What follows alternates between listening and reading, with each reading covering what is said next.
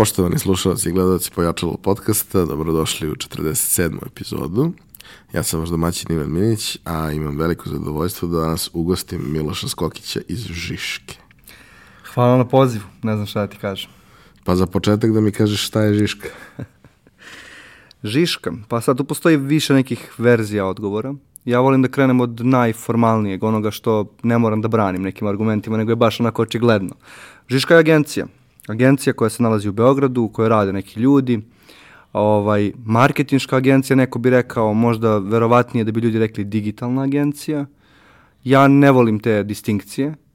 Um, za mene je to samo agencija, kreativna agencija, kreativni tim, kreativni studio. Ok su mi svi ti načini da označimo tu neku firmu.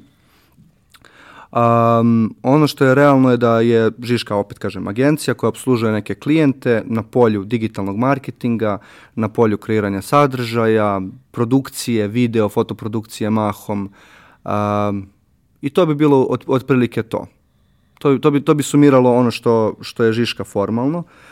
Ovaj, neformalno se mi sad bavimo nekim raznim stvarima, pa je Žiška i mesto gde se snima podcast, različiti ono, kao nekakvi in-house sadržaji, uh, Žiška je mesto gde se mnogo piše o advertisingu, o digitalnom marketingu, o tim nekim temama kojima se mi svakodnevno, možda čak i obsesivno bavimo. Um, da, to, to bi otprilike bilo to. A ovaj, osim što je e, naziv prosto takav da e, govori o tome da e, dodajete vrednost, intenzitet i ove, ajde da sad ne, ne, ne, ne, ne pričam previše komplikovano, kako ste uopšte došli do toga da... Mislim, ja sam vidio taj klip kako, kako je nastao logo i kako je nastalo ime i to mi je bio sjajan uvod u priču da ste napravili agenciju To je tada, zapravo da. Ali kako, zašto, zašto Žiška? To u stvari mnogo više. Odgovor na ovo pitanje će biti mnogo bolji odgovor na prvo pitanje. Kad smo odlučili da osnovimo agenciju Goran Jankulovski i ja, pričali smo o tome, mislim da to često kod preduzetnika, šta ne želimo da radimo. Nismo možda tačno ni znali šta želimo, ali smo znali šta ne želimo. I pogledali smo taj neki advertising landscape u Srbiji i shvatili smo da postoji mnogo nekakvih agencija sa pompeznim imenima na engleskom jeziku. Strategy nešto, communication nešto. Znaš otprilike na kakva imena mislim. I shvatili smo, za nas su na neki način ta imena simbol bullshita i nekakve distanciranosti od realnog posla. I hteli smo da naše ime nedvosmisleno pokazuje da smo mi realni, obični ljudi koji rade neki realan, dobar posao. I uh, to je sad jedna strana priče. Druga strana priče je da um, se slučajno desilo da reč Žiška m, i meni i Goranu znači nešto u životu. Jer mnogim ljudima je kao, zvuči cool, ali nisu baš sigurni je li to varnica, je li to šta je to, a u stvari Žiška je izraz koji se koristi za tip osobe. I to je ono što smo i Goran i ja nekako nekim čudnim spletom okolnosti i on i ja smo u rečniku imali reč Žiška, kao na primjer Ivan je Žiška, ako je Ivan neko ko sa mnogo energije ulazi u stvari, ko donosi nove ideje, ko onako pokreće sve druge, taj neki čudan katalizator ovaj, uh, u društvu. I uh, mi smo sebe doživljavali vrlo neskromno kao dve Žiške i onda smo bili u fazonu, ok, hajde tako da se zovemo. I to je bila prva misao. A druga misao je bila niko neće, previše autistično, niko neće razumeti. Čak u jednom momentu nas neko pitao, pa dobro, hoćete vi nekad izaći na strano tržište, pa kako ćeš ti sad strancima, žiška i tako dalje. I onda smo svesno ušli u to i rekli smo, ok, ok smo s tim trade-offom, ok smo da budemo teško izgovorivi za strance, ok smo da svaki sastanak narednih godina i po počinje pitanjem, a što se zovete Žiška? I veruj mi, počeo je. Svaki sastanak prvi godinu i po dana je bio, a što se vi zovete Žiška? Ovaj, uh, kažem, svesno smo ušli u to, znajući da nije idealno ime, um, ali nama dosta značilo, hteli smo da od starta, kao, kako bih rekao, unesemo sebe u sve to. Tako da tako, tako je cela ta priča krenula i iskreno meni se dopada ime. Mislim da je ono što je važno za ime, ima dosta dobro zvučanje, zvuči pomalo agresivno, oštro uh, i no bullshit, tako da... Ne previše. Taman, uh, da, na granici je kao... uh, sama činjenica da je, da je, da je Žiška nastala je bila onako prilično jedno, mogu da kažem, prijatno, zdravo iznenađenje na tržištu, ali svemu tome prethodi neki tvoj i Goranov prethodni rad i prethodne iskustva, e sad, ti si i dalje relativno mlad. Relativno, Ove, sve relativno, manje. Sve, sve relativno. Ovaj, ali a, vrlo često kada, kada pričam sa ljudima kako su uopšte završili u marketingu, dobijam neke najčudnije moguće priče. Neke od njih su relativno, da kažem, tipske i ne mogu kažem dosadne, ali ipak predvidljive. Mm -hmm. Ali ima i priča koje nisu baš ovako ovaj, na prvu loptu na prvu loptu ovaj, povezive. Pa me zanima koja je tvoja priča, odnosno št, kako si ti šta se, šta se tebi dešavalo tokom obrazovanja da si shvatio šta te zapravo zanima, a onda kada si shvatio šta te sve zanima, video da dosta, na dosta presečnih ovaj, tačaka se pojavljuje nekakav marketing u svemu tome. Mm -hmm. Iskreno, um, nisam dugo razmišljao uopšte o tome, o toj temi, dok me jednom neko nije isto ovako pitao, pa sam morao da konstruišem ceo svoj životni put da bi shvatio otkud ja ovde. Um, ne znam da li je moja priča tipična, ali svakako ovaj, ću ti je ispričati. Uh, ja sam u srednjoj školi išao sam u mužičku gimnaziju i malta ne jedina stvar koja me interesovala u životu je bila književnost. I da si me pitao na prvoj godini srednje škole šta ćeš ti upisati, književnost. Ono, po ceo dan sam čitao. Pisanje i književnost su bili na neki način moj život. Ja možda nisam baš tada ni osvešćivao da postoji advertising. To jest, advertising svakako ne, a marketing na nekom nivou.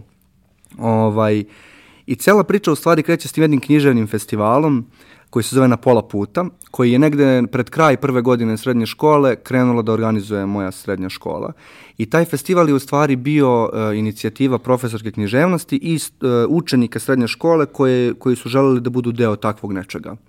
U tom trenutku je to bilo uh, Vrlo jednostavno. Užice je na pola puta između Sarajeva i Beograda, postoji gomila regionalnih pisaca, ne postoji platforma za učenike srednjih škola da se oni upoznaju s tim regionalnim piscima, zašto ne bi neko napravio neki skup gde dođu bosanski, hrvatski, srpski pisci i, pazi sad, e, ne samo da čitaju svoju književnost, nego drže časove u Užičkoj gimnaziji. Onako dosta experience ovaj koncept. I ja uletim u to onako kao full on sa, sa drugarima koji su se interesovali za isto stvari sa tom čuvenom profesorkom mužičkom Ružicom Marjanović. Uletim u organizaciju, to je ključna reč, u organizaciju cele te stvari. U smislu kako to treba da izgleda, gde to treba da se dešava, kako to treba da se iskomunicira, kako se zovu stvari u, u, u vezi s tim. I ja u stvari kroz organizaciju jednog eh, književnog festivala veoma nesvesno uletim u priču o komunikaciji. Zašto se to desilo? Zato što, verovo ili ne, tih, znači, 2000 šeste sam ja recimo u srednjoj školi, e, pete, e, činjenica da neki hrvatski pisci dolaze u malu sredinu kao Užice nije, nije sasvim obična. I postoji dosta, stva, dosta mišljenja u vezi s tim i dosta negativnih mišljenja u vezi s tim. I ja se tu u stvari prvi put susrećem s, takođe sa kriznim PR-om, sa činjenicom da treba iskomunicirati nekakvim ljudima, nekakvoj ciljnoj grupi neke vrednosti, da treba objasniti neke stvari. Um, pa čak i neke vrlo banalne stvari, kako izgleda poster za jedan književni festival i tako dalje. I uglavnom, od te godine do danas uh, taj književni festival nije prestao da postoji i dalje se organizuje svake godine u Užičkoj gimnaziji i veoma je formativan za sve ljude čije živote je dotakao. Uh, a ovaj, mene je na neki način veoma absurdno odvojio od književnosti, što bi bilo očigledno, a približio komunikaciji. Tako da sam već negde kraj srednje škole, početak fakulteta, jako počeo da istražujem šta sve spada u taj svet. Pa ono, organizacija evenata me interesovala, pa onda kroz to marketing i tako dalje. I um, u nekom tom trenutku se pojavio jedan moj poznanik koji imao design studio um, taj design studio je počeo da prodaje uh, usluge koje bi se mogle nazvati copywriterskim. U smislu oni su, oni su prodavali određene web sajtove biznisima, pa sad kao uz to dobiješ i nekakav, uh, nekakav tretman teksta o tvom biznisu da bi mogao da se uklopi u web sajt. Na tom nekom nivou.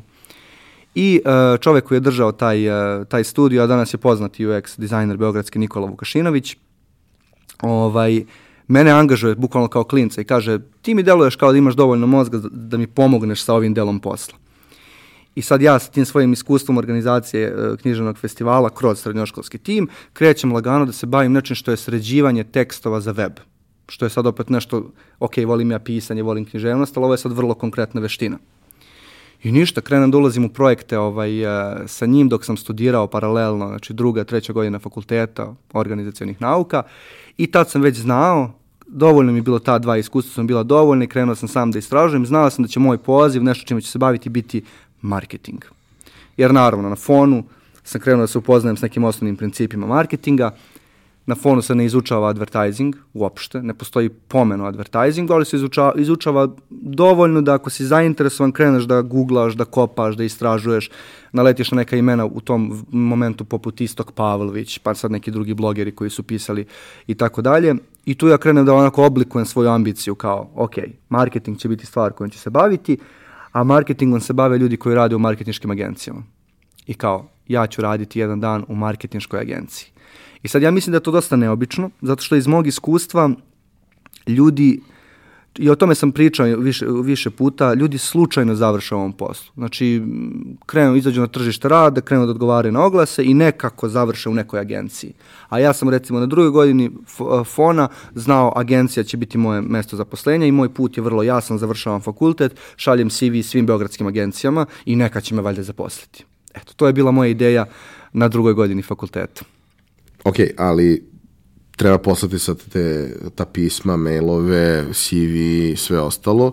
Uh, kad je došlo do tog trenutka, šta ti je bilo prioritet? Da li si imao, znaš onaj moment kao uh, na svako pitanje, na svaku dilemu možeš dobiješ odgovor tako što baciš novčić ako je binarno. Možda to da će novčić pasti ti neće odgovoriti, ali to na koju stranu želiš da padne će ti reći da, da šta, šta zapravo želiš. Da, jasno. Ovaj, šta si ti želeo i kako je izgledao sam početak? Šta si želeo, šta si dobio? Ono što sam ja želeo, to nije moglo. Ali ja to nisam shvatao od početka. Ja sam želeo da budem copywriter. Vrlo jednostavno. Dakle, ja sam krenuo da istražujem taj agencijski svet, shvatio, aha, postoje neki kreativci, postoje neki akaunti, ja, ja, se za, ja sam zainteresovan za pisanje, pisanje u advertisingu se zove copywriting. Uopšte ja nisam imao u svesti u, to, u tom trenutku da postoji digital kao neka celina, mene je interesovalo ono kao, ja ću biti copywriter, smišljaću slogane, smišljaću televizijske reklame, to je bila moja ambicija originalno. I ja sam takav posao želeo da dobijem. Naravno, kao student iz unutrašnjosti koji studira u Beogradu, ja bi pri, u tom trenutku bih verovatno pristao na bilo kakvu vrstu angažmana u bilo kojoj agenciji u Beogradu, onako full transparency, ali ja sam želeo da budem copywriter. I u tom smislu, e, meni to slanje CV-eva i slanje motivacijonih pisama nije bilo uh, procesna stvar, nije bilo kao ovo moraš da uradiš da bi dobio posao, nego je bilo kao sad ću ja da vežbam jer ovo je u stvari posao. Ako ja umem da sebe prodam uh, advertising agencijama, a zamišljao sam ih kao veoma strašna mesta da rade ljudi mnogo pametniji od mene, ako umem njima da prodam sebe kao ličnost kroz ta motivacijona pisma i CV-eve, ja u stvari mogu da radim taj posao. I onda sam tako sedeo i kucao besomučno, tipa desetine i desetine motivacijonih pisama, gde sam sebi zadao da svako bude formatski unik. Nešto kao stilske vežbe, ovaj, postoji taj, ta knjiga, vjerojatno si upoznat s tim. E, tako sam ja pokušavao da svako motivacijono pismo, da bih se ja osjećao bolje, ne zato što sam verovao da postoji neka baza da ljudi razmenjuju motivacijono pisma, nego meni je trebalo da ja napišem svako na različit način. I neka su bila dosta loša. I kao sad ne bih nikad tako napisao motivacijono pismo, a neka su bila skroz fair. I onda sam poslala sva ta silna pisma i CV, uzmi samo obzir da sam tad bio recimo treća godina fakulteta i e, nije se desilo ništa. Mislim, doslovno nisam imao nikakvog uspeha s tim. Bio sam pozvan u, ako sam poslao na 20-30 adresa, a sigurno jesam, bio sam pozvan na jedan kvalitetan razgovor za posao e, i to je bilo u agenciji Leo Burnett. Uh, I dobio sam dva vrlo poluformalna zakasnela odgovora mailom. Sve ostalo je bilo isključivo sin. Ali ono što ja tada nisam znao je da sam ja u stvari pokušao nemoguću stvar. Ja sam pretpostavio da se copywriter u Beogradskoj advertising agenciji postaje tako što napišeš mail ja želim da postanem copywriter. Nisam razum, razumeo da postoji izvesna barijera i da postoji kao, da to tržište rada nije toliko otvoreno u tom trenutku koliko se meni sve činilo otvoreno tada. Tako da nije meni bilo suđeno ono što sam ja hteo, ali mi se u, u paralelno s tim desilo nešto što je mnogo bolje. A priča cela počinje u jednoj kafani u Užicu, ovaj, kao što sve dobre okay, priče. zvuči dobro. ovaj, sad da stvar bude još luđa, kafanu, vlasnica kafane je moja majka, ona se žena bavi ugostiteljstvom. Ovaj, I ja sedim u toj kafani, recimo neka je nedelja i treba da organizujem sebi prevoz nazad do Beograda.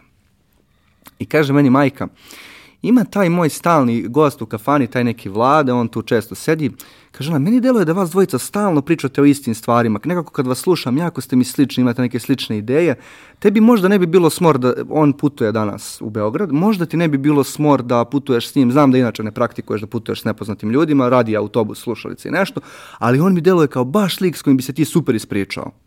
Keo ono iz najbolje namere.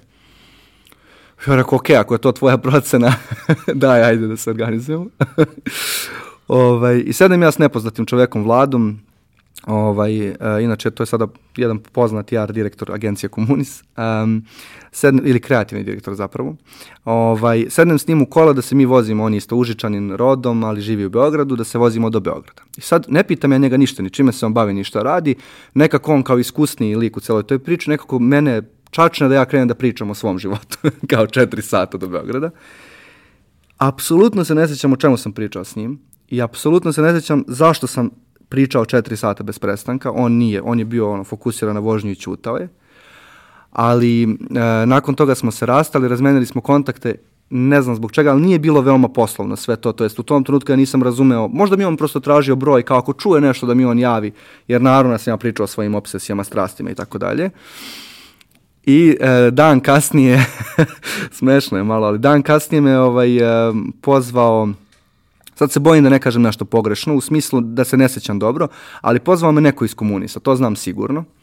I rekao, naš zaposleni je dao na tvoj kontakt, mi trenutno formiramo, to jest ne formiramo, bio je oformen digitalni tim za, ovaj, u komunisu, ali širimo digitalni tim, trebaju nam mladi ljudi, mi imamo program prakse, ti zvučeš kao dobar kandidat, ovo ono, da li bi ti došao na razgovor? I ja, ovaj, kako bih rekao, najsrećniji čovjek na svetu. Dakle, ne samo da me kontaktirala Beogradska agencija, nego me kontaktirala Beogradska agencija za koju znam, kao komunis, znam za komunis. Dovoljno sam u priči da znam da postoje i da nisu uopšte naivni, iz, iz tog ugla gledano tada. Naravno, ni sada nisu naivni, nego hoću da kažem, tad mi je to sve zvučalo još mnogo bitnije. Uh, I odem ja na taj razgovor za posao bez ikakvog mišljenja o tome. Sad, nisam ja razumeo kao sad ja ako odem na ovaj razgovor, ja ću postati digitalac zvanično. Ja sam samo mislio, ok, ovo je jedini upad koji ja imam, idem na to. I imam, imao sam jedan od zanimljivijih razgovora u životu sa Aleksandrom Nikolićem koji je tada vodio taj digitalni tim i sa nekim njegovim kolegama takođe i koleginicama. Um, potpuno odlepim na agenciju Mislim, možda zamisliš neko kao ja, kad je pustili su me, otvorili su mi vrate i rekli su dođi ti sad na razgovor. Ja on obuko jedine pantalone koje imam cipela da budem kao, da budem poslovan, ono, košulja, ovo, ono, on, dolazim tamo, niko ne nosi ništa poslovno. Ja jedini presmešni lik u špicastim cipelama. Kada si u banku otišao, ne u agenciju. da tražim kredit. Ali da, ovaj, od ulaska šok, nekako sve što vidimo, ok, ovako, nisam znao da tako izgleda radno mesto, onako, neki veliki stari reflektor filmski na ulazu i tako dalje. Mislim, sve me to kupilo. I sedem je na taj intervju i onako dam sve od sebe stvarno, ovaj, da budem dobar. I oni mi ponude praksu dva meseca. I to je bio u stvari, tako sam ja prvi put kročio ono, kao agencijski svet, kroz digitalni tim komunisa. Ja naravno pristanem, kakvi god da su uslovi prakse, pristajem. Hoćete me pustiti da sedim ovde 8 sati dnevno i da gledam šta vi radite? Pristajem, to je sve okej. Okay. I tako je krenulo. Pa jel, jel imate brzi internet? Može, sve može. Hoću dobiti kompjuter ili moram da nosim svoj, znaš ono. to je prvi korak. Mm -hmm. To je prvi onako hrabar korak gde si morao malo da ono uh, pom se pomiriš sa time da neće stvari možda ostatak krenuti onako kako si ti zamislio.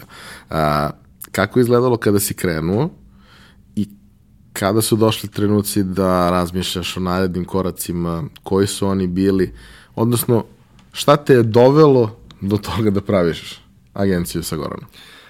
Um, krenulo je zanimljivo u tom smislu da um, je moje samopouzdanje mnogo brže naraslo nego što sam ja s tim iskustvom očekivao. Ja sam mislio ti dođeš u agenciju, pa onda polako, jedno 3, 4, 5 godina dok ti malo shvatiš kako to funkcioniše, pa dok odeš na prvi sastanak i tako dalje. Međutim, ti to vrlo dobro znaš, digital, advertising nije takva oblast, ali digital baš nije takva oblast.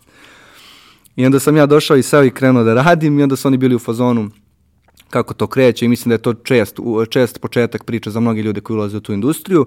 Vidi ovako, mi radimo za ovaj, ovaj, ovaj brand, mi za te brendove vodimo ovo i ovu društvenu mrežu, za te društvene mreže treba napraviti neke postove, pogledaj kakve smo pravili do sada, pa sad ti smisli neke nove. Onako vrlo praktično, jednostavno, strukturiran zadatak, rekao bih tako.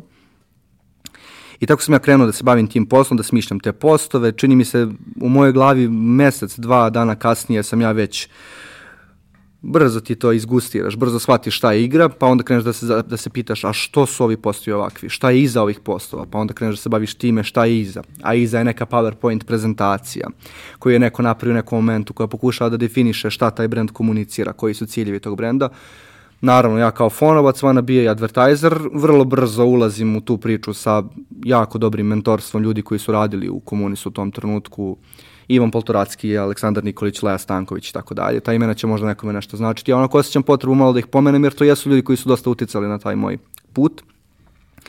Um, krenem da idem na sastanke s klijentima, shvatim da su klijenti, da to nije neko mitsko biće koje jede ono, agencijaša, nego shvatim da su to isto neki normalni ljudi koji imaju neke normalne ciljeve i ambicije s kojima se može pričati. Shvatim da sam u toj priči dobar, da mogu da komuniciram s njima o tim stvarima i lagano moj posao, a, mislim ako si ikad radio agencija, znam da imaš dosta iskustva i oko agencija i u samim agencijama, ako ti idu ove stvari koje su meni čini mi se išla, to su mogu da napravim post, ali mogu da razumem i prezentaciju iza posta, a mogu i na sastanku da pričam o tome, to već zvuči kao da ćeš napredovati. Ja stvarno jesam na, u komunisu vrlo brzo napredovao sa pozicije interna na poziciju nekakvog community menadžera, account executiva i onda account menadžera, što je verovatno u tradicionalnom advertisingu bi trebalo malo više vremena, meni je u tom trenutku u naboju digitala trebalo oko godinu i šest, sedam meseci, tako nešto. Međutim, za godinu i šest, sedam meseci mnogo ti naučiš o industriji, upoznaš tonu ljudi, upoznaš druge agencije, upoznaš druge podizvođače, stručnjake, eksperte, klijente, strane, domaće, kreneš da se osjećaš malo više kao, znači malo manje kao onaj lik koji je ušao u cipelama u agenciju, a malo više kao sad tu neki poluiskusan lik koji razume koje opcije postoje i šta može da se radi. I u tom trenutku Executive Group delovao kao meni sa mojim ograničenim znanjem i razumevanjem tržišta, delovao kao place to be Znači ti si kao neki mladi čovjek na tržištu rada, radiš u jednoj kreativnoj agenciji, u digitalu, a ovi neki sad iz egzekutiva deluju kao da to isto rade sa većim kapacitetima. Meni se u tom trenutku činilo bolje, ambicioznije. Delovalo mi je kao da je logičan sledeći korak u karijeri otići na mesto gde se najbolje u Srbiji radi ono što ja radim. Tak, otprilike tako neko bilo moje razmišljanje u tom trenutku, znači te neke 2014. tako nešto. I to se desilo, dakle, vrlo brzo nakon što sam dobio prvi posao i tako skromno ušao u celu tu priču, sam isto tako vrlo brzo seo u tu istu prostoriju da sam imao intervju i rekao ja odlazim iz firme. Ovaj, um, što je baš težak trenutak, ja mislim za svakoga. Prvi, uh, verujem da je težak za svakoga. Prvi uh, davanje otkaza. Jel se tako to zove kad sam daš, kada napustiš firmu daš otkaz? Da. Ovaj, uh, to je bilo onako dosta bolno. U smislu odlaziš iz firme koja te, kako bih rekao, od nule si nešto... Formirala. Formirala te u mnogo smislova koje ja danas ne zaboravljam.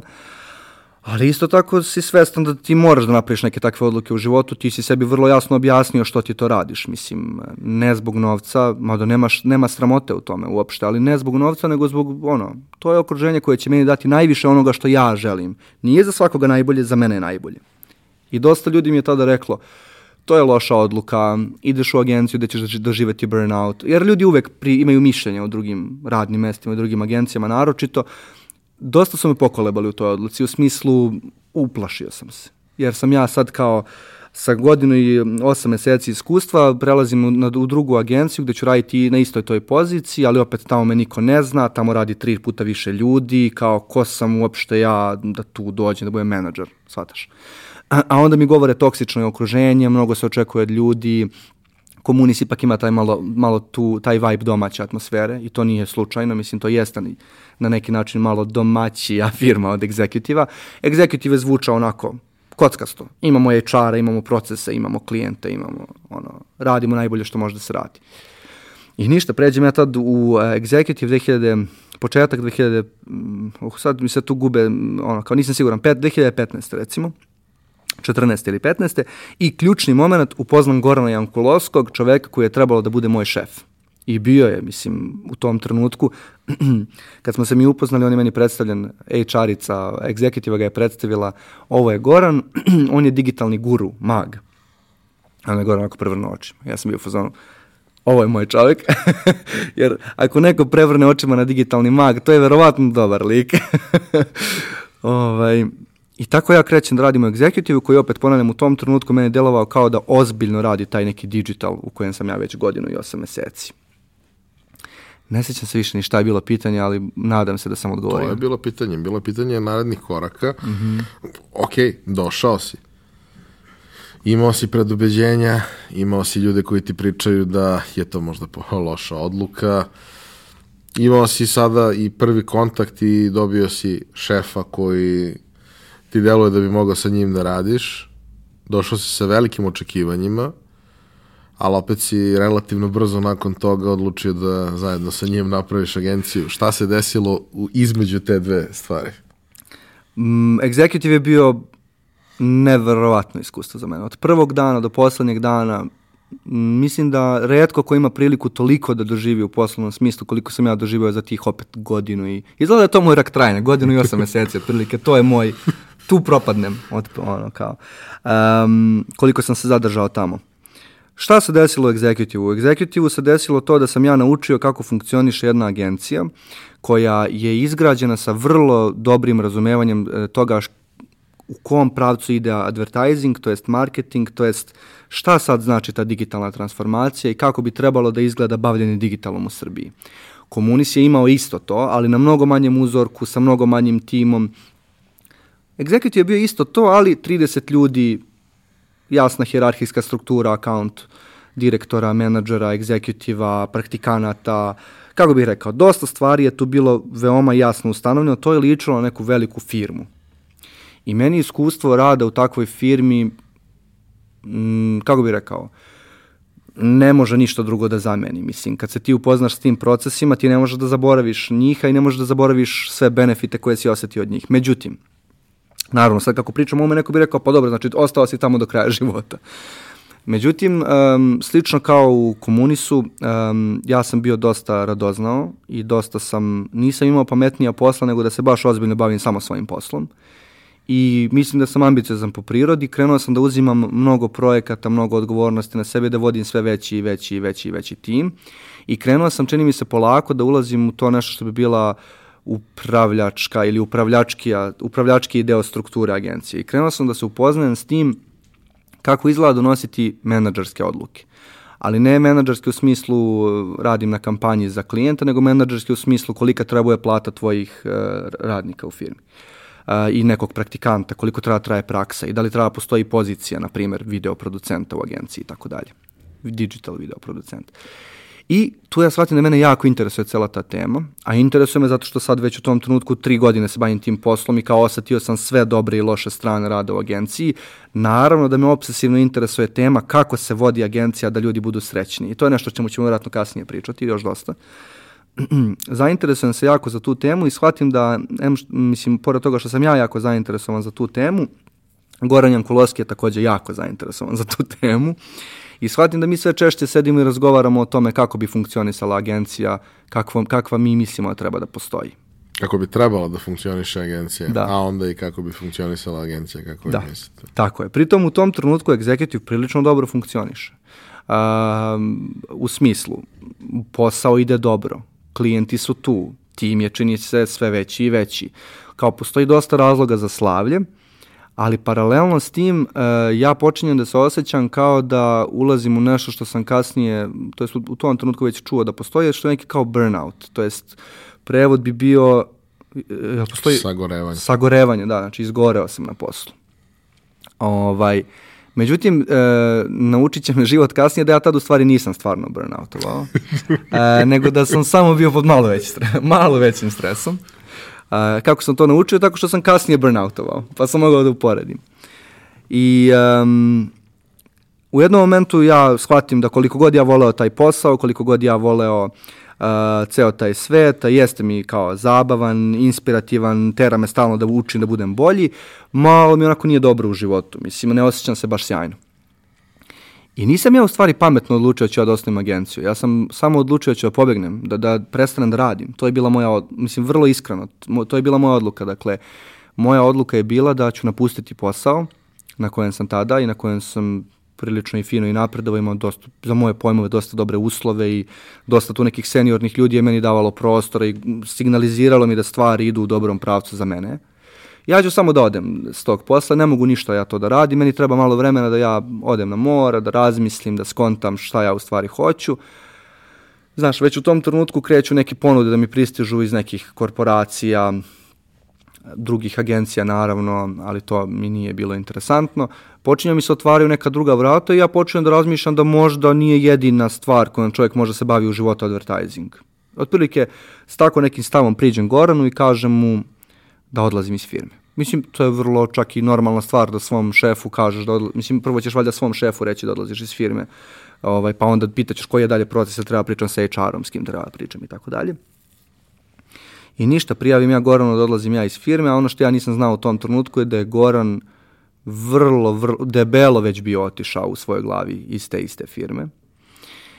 I on to meni otvoreno kaže vrlo brzo nakon toga i mi shvatimo da smo mi dva lika koji su burn, nekako burnoutovali na svom poslu, deluje kao da znaju dosta nekih stvari da rade, ali nemaju baš jasan plan za budućnost. I Gora naravno u tom trenutku bio razne ponude za posao, ja isto, pa eto, možda ćemo mi sad da se zavaljamo, što, kako kažu ljudi, da se zavaljamo u neku korporaciju, da dobijemo neke dobre poslove i možda je to put za nas. Do penzije. I do penzije polako, kredit za stan, razumeš kako je to kad dođeš u Beograd, da nisi iz Beograda, treba nekom momentu kupiš stan, kola, mislim, kako bi ti rekao, postoji dosta izazova na koje treba da, na koje treba da misliš u nekom momentu taj razgovor o tome kako su naši ono, životi sada nešto drugo, krenemo Goran i ja pomalo da razmišljamo o tome, kaže meni Goran, jesi ti ikada razmišljao o preduzetništvu? Bog bukvalno me tako pitao. Jesi ti po prirodi neko ko bi bio preduzetnik? I ja kažem, da. I on kaže, zato što ja nisam. Mislim, pitan te, pre, pretpostavlja sam će što reći, jer kao znao je malo i moj background, moji roditelji su preduzetnici, nikad nisu ni jedno ni drugo imali dan radnog staža u ničemu, ni u čemu što nije njihov posao koji su oni osnovali. Ovaj, ja je, jesam iz takve porodice i takve neke modele sam usvojio, ja jesam preduzetnik. Preduzetan sam dosta po prirodi, a Goran nije. Goran nije razmišljao na taj način i kaže Goran, ja iako nisam preduzetnik, ti si osoba s kojom bih se ja osjećao komfortno da započnem biznis osjećam se kao da bismo nas dvojica, kad bismo ukrstili skillove, mogli da započnemo zajedno svoj biznis. Naravno, u našem, šta mi znamo da radimo je dva agencijaša, biznis i agencija. Mislim, vrlo jednostavno, je li tako? Um, međutim, nismo ni tada se složili da ćemo da započnemo biznis, nego predložimo, ja mislim da sam ja predložio, ali vrlo brzo se Goran složio, kažem ja, ajmo da probamo, ne, nećemo da osnimamo agenciju, ajmo da probamo samo da radimo neke projekte zajedno. Čisto da imamo kako je to kad nas dvojica bez stega, bez spoljašnjih faktora, bez neke hjerarhijske strukture, prosto radimo zajedno na projektima. I sad kako ćemo to da izvedemo? Ajde otvorimo Upwork naloge. Znači ne bi verovao, to je bila ideja. Dobro. I, nisi ovo očekivao, ne? Ne. I tako nas dvojica, ja sa tri i više godine iskustva i Goran sa ipak više godine, četiri i više godine iskustva ili pet, otvorimo Upwork naloge i krenemo da radimo za neke ono Amerikance, Indice, Kineze, ne znam ni šta, da radimo neke projekte. Naravno, nama je čitava poenta svega toga bila da mi vidimo kako to izgleda kada mi, opet kažem, bez ograničenja radimo samo nas dvojica zajedno i tako dalje. Posle par meseci Upworka, a nije to Upwork bio loš, dao nam, ulio nam je malo samopouzdanja, malo nas je zaoštrio za neke druge stvari. Ovaj, iako smo, moram priznati, često pravili tipa oglase za neke dropshippere i tako dalje, ali kao okej. Okay. Ovaj, Um, skontamo mi, ok, aj se ne igramo više. Očigledno je da nam se radi zajedno i očigledno je da imamo dosta iskustva, dovoljno, ne bih rekao dosta, ali dovoljno da se oprobamo u ovom nečemu što bi bilo što bi bila naša agencija. Hajde da ozvaničimo ovaj odnos i, ovaj, i da uh, osnovimo, brate, agenciju i da se bavimo onim čime znamo, da se bavimo na tržištu Srbije. I um, iskreno delovalo je kao baš razumna odluka jer smo u tom trenutku seli i zapitali se ako bismo nas dvojica sada objavili na društvenim mrežama da osnivamo svoju firmu, koliko bi puta telefon zazvonio tokom prve nedelje? I to je onako, možda će sad zvučati iz ove pozicije pomalo neskromno ili ne znam, pogrešno, ali to jeste pitanje koje ti kao preduzetnik se zapitaš ko će bre nas da plati i kada. Mislim, pošto ako krenemo s ovim moramo da iznajmimo prostor, mi smo htjeli to vrlo zvanično, da osnovimo prostor, da uzmemo stan, da ga sredimo, da kupimo opremu i tako dalje. I sedimo Goran i ja i kao, pa zazvonit će dosta puta. To je naša procena. Možda se ispalimo, možda ne zazvoni ni jednom, ali čini nam se da ako objavimo da osnijemo agenciju, da se ta agencija zove nekako i da je to sad veoma established ono stvar, neki ljudi koji imaju dobre iskustva od ranije s nama, a koji dalje sede na nekim pozicijama u korporacijama, će nas pozvati, ako ništa, da sednu na kafu da vide šta je sad to. A ako sednu s nama na kafu da vide šta je sad to, pa nekoga od njih ćemo uberiti da treba nešto s nama da radi. I bukvalno se to desilo. Iznajmili smo stan, znali smo da nam je potrebna jedna osoba još. Postoji nešto što je minimalni tim koji smo mi zamišljali da moramo da imamo da bismo mogli da pružimo najosnovnije usluge iz oblasti kojom se bavimo. To je bio dizajner. Ni Goran, ni ja, svašta smo mi mogli da ishaslujemo. Znam ja da editujem, znam da snimam, zna Goran da piše, zna, sad da ne nabrajam, znamo svašta, ne znamo ni jedan ni drugi da dizajniramo, ili barem ne dovoljno. Dizajner nam sigurno treba, za ostalo ćemo videti. I luda sreća, taj Nikola Vukašinović, kojeg sam već pomenuo, preporuči jednog svog učenika, jer on, Nikola je takođe i profesor, bivši, preporuči učenika, pojavi se učenik i prva osoba koju smo intervjuisali za posao, Ilija Vujović, postane naš prvi dizajner, a zatim i art direktor i tako nas trojica uđemo u jedan mali stan u Novom Beogradu i krene telefon stvarno da zvoni. Krenu da nas zovu naši stari kontakti s kojima smo radili, da se vide s nama, da popričamo, bukvalno tako. I tako ti mi postanemo ni krivi ni dužni sa polu svešću. Šta je to? Postanemo ono jedan jedan preduzetnici. Stan na Novom Beogradu, tri kompjutera, sto koji smo napravili od materijala sa stovarišta, internet i cepaj.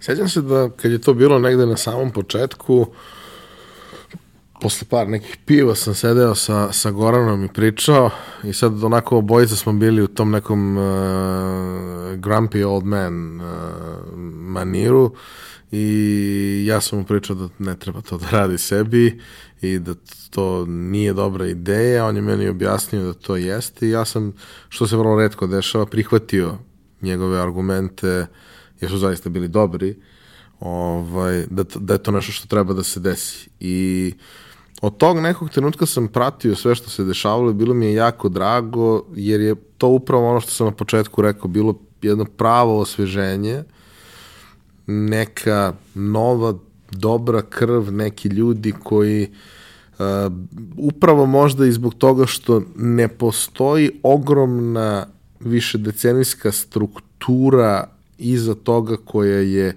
iz klasičnog advertisinga, iz old school marketinga, iz nekog old school PR-a, sad dodala tu plagoval neki digital jer mora da ga ubaci, pa sad taj tim možda i jeste dobar, ali taj tim je i dalje 5% nekih budžeta koje mm -hmm. firma uzima na, na, na stvari mm -hmm. koje se uzimaju prethodnih 30 godina, pa kao po defaultu se plaćaju toliko. Jer nekako iz svih tih mesta vrlo redko se dešavalo da izađe nešto što je stvarno, stvarno, stvarno dobro. Kao, kao da kada imaš deset ljudi pored kojih to mora da prođe, da svako da svoje mišljenje, ako im daš nešto lepo, svako odseče po jedan ćošak i ti na kraju dobiješ nešto što je potpuno bež. Da, da, vanila. pa da, to, to je u stvari bolji izraz. Ovaj, uh, ok, krenuli su da zvone telefoni. Prvi klijenti, prvi poslovi. Uh, znaš kao, imali ste kontakte, imali ste poznanstva, imali ste sve, imali ste neverovatnu energiju, volju i to, ali kao treba sad to zapravo napraviti. Kako da. je to išlo? Jako kontradiktorno. U isto vreme su krenuli da nas zovu ljudi koji su radili u najvećim korporacijama u Srbiji i lokalni proizvođač džempera za pse. I mi smo vrlo naivno tada mislili da je to u stvari, pa da, mi smo takva agencija, mi rešavamo sve probleme, mi imamo mozak koji može da reši bilo koji problem, baš onako naivno. I mi krenemo da radimo paralelno, uh, na primer, čak nije ni primer, pro, lokalnog proizvođača odeće za pse i jedno od najvećih uh, ovaj, telko korporacija projektno u tom trenutku. I um, kažem projektno zato što je bitan moment za razvoj jedne agencije, jednog poslovanja kada prvi put dobiješ klijenta na retaineru, to jest dugoročno klijenta koji se obavezao da će sarađivati s tobom godinama, to ti daje nekakvu predvidljivost i to mnogo više lična biznis. I ništa, krenu da pristižu ti zahtevi, mi shvatimo, ok, sada kada ne postoji ni jedna stvar za koje možemo da se sakrijemo, pa da kažemo, ne znam, a guše nas procesi u firmi u kojoj radimo, a nemamo dovoljno uh, ovog ili onog resursa, uh, a problem ovog ili onoga. Ne, sad smo samo tu mi i to je to. Stiže problem pa da vidimo kako će Goran Jankolovski i Miloš Skokić da reše taj problem. Šta u stvari ta dvojica likova uopšte znaju. I Ilija, naravno, naš dizajner. I ništa, krenemo da ulazimo u te projekte um, i krenemo da i učimo i sami kako da ih izvodimo sada kada ne postoji cela mašinerija supporting uloga u, celo, u celom tom sistemu. Ovaj, e, I taj trend se prve cele godine Žiške nastavio. Znači, konstantno su nas kontaktirali neki mali biznisi kojima smo zvučali cool a, i jako velike korporacije koje su nas ruku na srce kontaktirale da izađemo na pičeve, što je dosta različito. Kad te kontaktira mali proizvođač, on te kontaktira da napravite nešto, onako ljudski, ajde, da, treba mi logo da smislimo, a kad te kontaktira velika korporacija, onda je to kao pozivamo vas na pitch ili na neki pre-pitch intervju i tako dalje. I onda smo mi krenuli da, da opet kažem, naivno razvijamo obe te veštine, i veštinu, hajde da iskaslujemo logo za prodavnicu pseće opreme i hajde da smislimo godišnju strategiju za najveći FMCG brand u, u zemlji. Krenuli smo da radimo obe te stvari u isto vreme.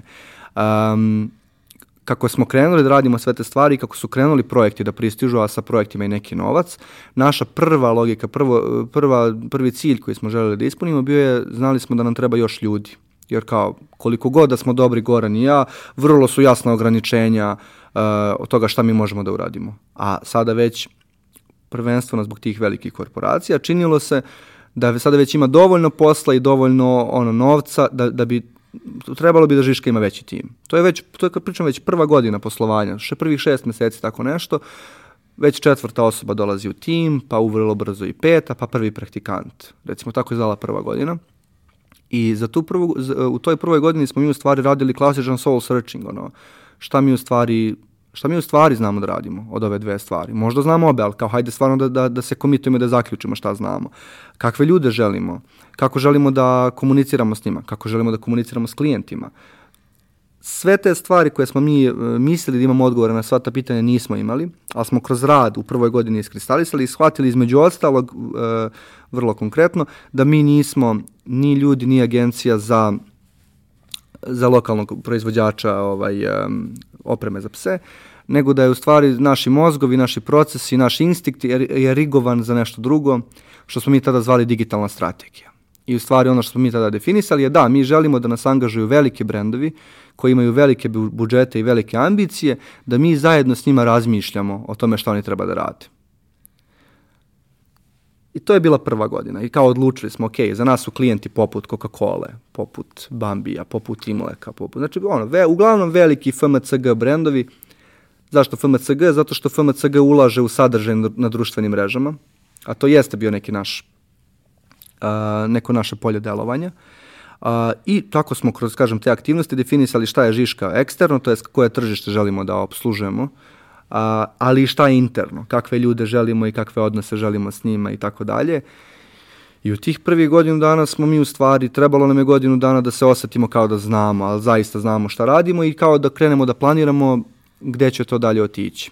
Ono što je mm, isto pošteno reći, uh, mi smo dobili vrlo brzo prve velike klijente i vrlo brzo smo onako neorganski smo porasli sa troje na, čini mi se da je prvi skok bio sa troje na osmoro, kada smo na, na piču dobili Coca-Cola company kao klijenta, što je posebna jedna potpuno sumanuta priča kako se to desilo da jedan od najvećih klijenata i olaševača na tržištu uzme jedno od najmanjih ono, agencija ikada.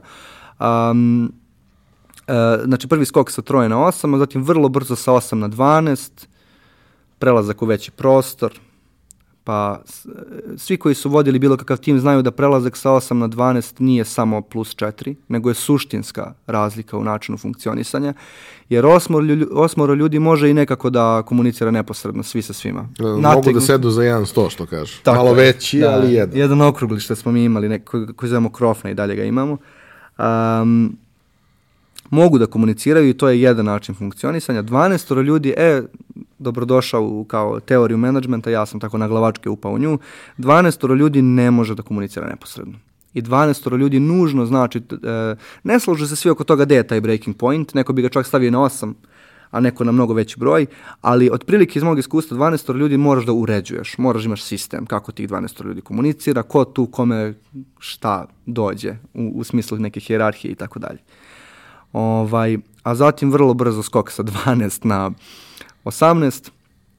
Tu smo se dosta dugo zadržali prelazak u treći, sada još veći prostor i onda poslednji skok sa 18 na 22 gde smo sada u, trećem, u trećoj kancelariji. Krenuli smo iz stana od nema me držati za reč, ali tipa 50 kvadrata, 40-50, sad smo u nekom ogromnom, prilično velikom ovaj, poslovnom prostoru od, ja ne znam, nisam dobar sa brojevima, verovo ili ne, ali tipa 300, 300 kvadrata, ubiće me gore ako sam lupio sad, ali mislim da imamo oko 300 kvadrata.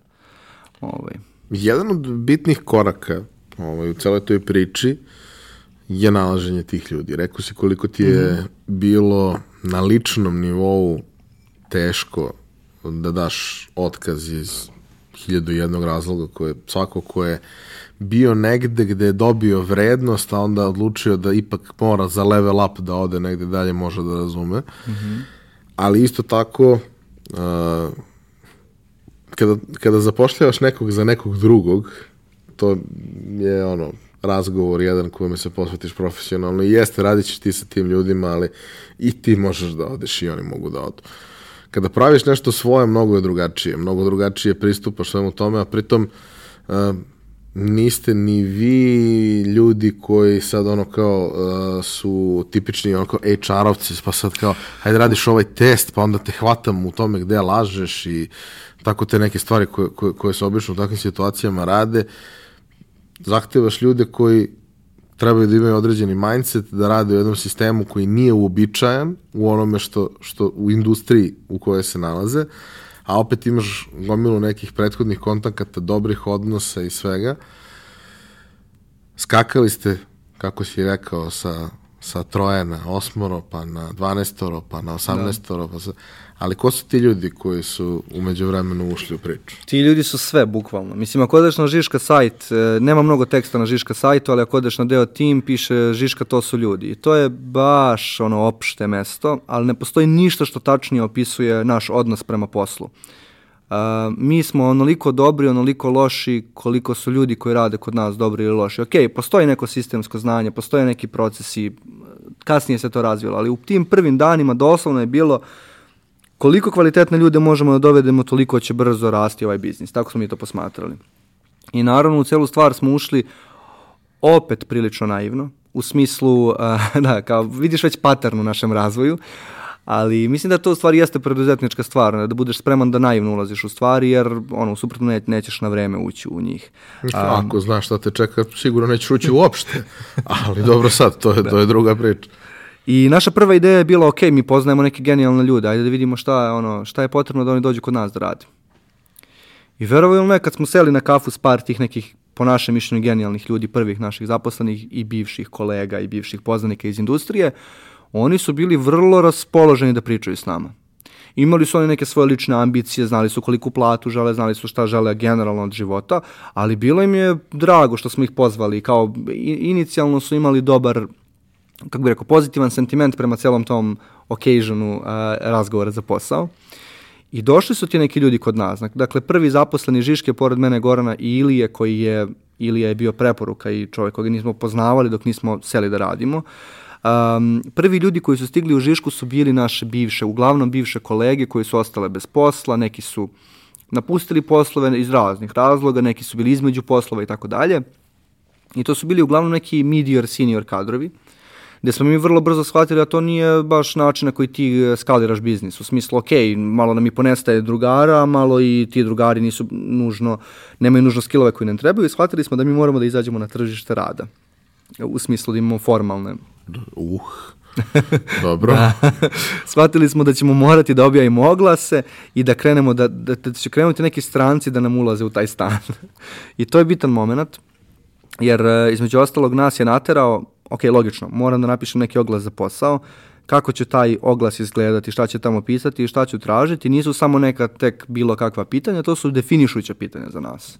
Jer kao, ako znamo da sve zavisi od ljudi, onda je ovo moment gde je za nas ono, make it or break it. Ako dovedemo sa ulice dobre ljude, sa ulice, s tržišta rada dobre ljude, mi smo dobri, ako ne dovedemo, nismo dobri. I sad, kako ti oglašavaš jednu agenciju tek osnovanu koja ne izgleda, prostorije ne izgledaju sjajno i tako dalje, kako da se pozicioniraš? I u stvari, u odgovoru na to pitanje mi smo pronašli srž Žiške, a ono što smo mi krenuli da objavljujemo kao promo sadržaj za buduće zaposlene je u stvari ono što je nas definisalo na tržištu. To je jako weird kad malo pomisliš. Znači, nismo mi ciljeno rekli kakav mi sad sadržaj treba pravimo da nas klijenti uzmu. Ne, mi smo se zapitali kakav mi sad sadržaj treba pravimo da pravi ljudi dođu da rade kod nas.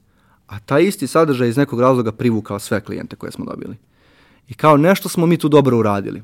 Ja mislim da, da... Mislim čak da je jedna stvar, izvini što te prekidam, Ne, ali bih samo da poentiram na jednoj stvari, jer ja kao voditelj volim ponekad da poentiram. ovaj, a to je ne samo da bi privukli prave ljude i ne samo da bi da su posledično privukli klijente, nego su možda i odbili neke klijente sa kojima ne treba da radi. Što je vrlo zamoran proces dok dođeš do toga da možda nisi fit sa nekim. Siguran sam u to.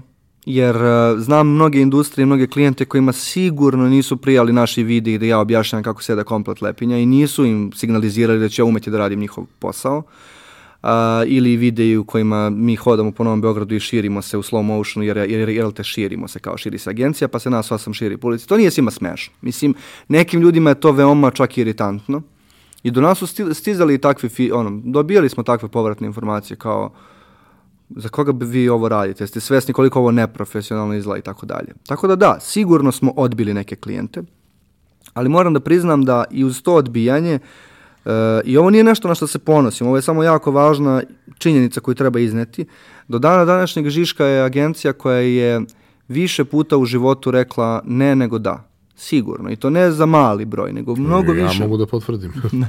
ja sam čak preporučivao nekim klijentima koji su vrlo interesantni, Mhm. e, mislim kompatibilni sa vama, ali sam dobio jedan jako dobar odgovor tada od Gorana, mi trenutno nemamo kapaciteta za to i ne želimo da uzmemo nešto ako ne možemo se posvetimo na pravi način. Ej, meni to govori mnogo. Meni to govori mnogo više nego odgovor da, potrudit ćemo se. Potrudit ćemo se ne znači ništa. Zato što kad ti radiš u drugoj firmi, na primjer kao mi u Executive primjera radi, ti nemaš luksus da to uradiš. Tebi ako stigne poziv za pič ili za posao, ti si zaposleni kompanije, tvoja dužnost je da nađeš način da se taj novac donese u kompaniju, je li tako? Međutim, em, ti kada osnuješ svoj biznis i kada osjećaš na svojoj koži, na koži ljudi koji sede metar od tebe, svaku posledicu svake odluke koju doneseš, ti ne možeš tako olako da kažeš da ti ne, ne možeš, jer prosto previše je blizu posledica tog da tebi, da bi ti, da bi ti tek tako to uradio. Um, tako da, da, odbili smo neke klijente našim sadržajem, a neke smo odbili i bukvalno jer nismo, više su želeli ljudi da rade s nama nego što smo mi mogli, ali nije čak ni to poenta, nego je poenta što smo mi instant vidjeli da za neke klijente mi ne bismo bili dobar fit. I to je bilo baš očigledno. Ne zato što oni nisu dobri ljudi, zato što nisu pametni, kreativni, ništa od toga, nego jednostavno ono što je njihov problem, ono što oni pokušavaju da reše, ono što, što čime se oni bave, mi, nemam, mi nismo za to napravljeni. Mi nismo agencija koja će rešiti taj problem. I mi smo u tim situacijama onako zdušno preporučivali sve kolege iz industrije, za koje, kolege, agencije i tako dalje, za koje smo prosto znali ovim ljudima ako pošleš isti ovaj mail dobit ćeš bolji odgovor, dobit ćeš bolje rešenje problema. Ali onda je bilo, bilo pitanje koje probleme mi dobro rešavamo. Mislim, ok, ako znamo kako, kada preporučujemo druge, hajde da definišemo i šta, koji su to klijenti koji su za nas, za koje je naš sistem napravljen. I tad smo počeli prvi put da pričamo o nečemu što je, što kod nas interno mi zovemo um, ambitious about content clients. To je u prevodu klijenti, i to je veoma fluffy, svestan sam toga, ali klijenti koji su ambiciozni po pitanju sadržaja pazi, izbor reči nije slučajan. Ne klijenti koji će su spremni da odreše kesu za sadržaj ili ne znam, uh, nego baš ambiciozni koji vole da razmišljaju, da imaju glavobolje zbog sadržaja, koji će s nama da brainstormi, stormuju o sadržaju, kojima će biti stalo do toga kakav je taj sadržaj. E sad, ovde je bitno da stavim jednu fusnotu. Sadržaj isto znači bilo šta. I e, recimo Goran koji je bio na pojačalu druženju, Goran Mirković se takođe bavi sadržajem, ali tu je bitno da se napravi distinkcija. Mi smo uglavnom mislili na social media sadržaj i u tom kontekstu uglavnom na video i foto sadržaj. Ili barem video i foto heavy sadržaj. Ovaj, I onda smo shvatili, aha, to je znači naš neki zlatni miks. Mi smo agencija napravljena da za klijente koji su ambiciozni po pitanju sadržaja pravi sadržaj. To je između ostalog odgovor na pitanje zašto ne radimo danas te, te manje brendove. Ovaj, ne zato što oni nisu ambiciozni po pitanju sadržaja nužno, nego zato što nisu još stigli do toga. Oni imaju druge veoma važne probleme koje moraju da reše, pa da mogu s nama da sede i da mozgaju dva sata kako izgleda Instagram story koji je snimljen kao Instagram story. Prosto to nisu problemi s kojima bi trebalo da se susreće neko ko je otvorio uh, mali biznis u prvoj godini poslovanja. Čini mi se da nisu. Uh, barem ne, ne na tom nivou.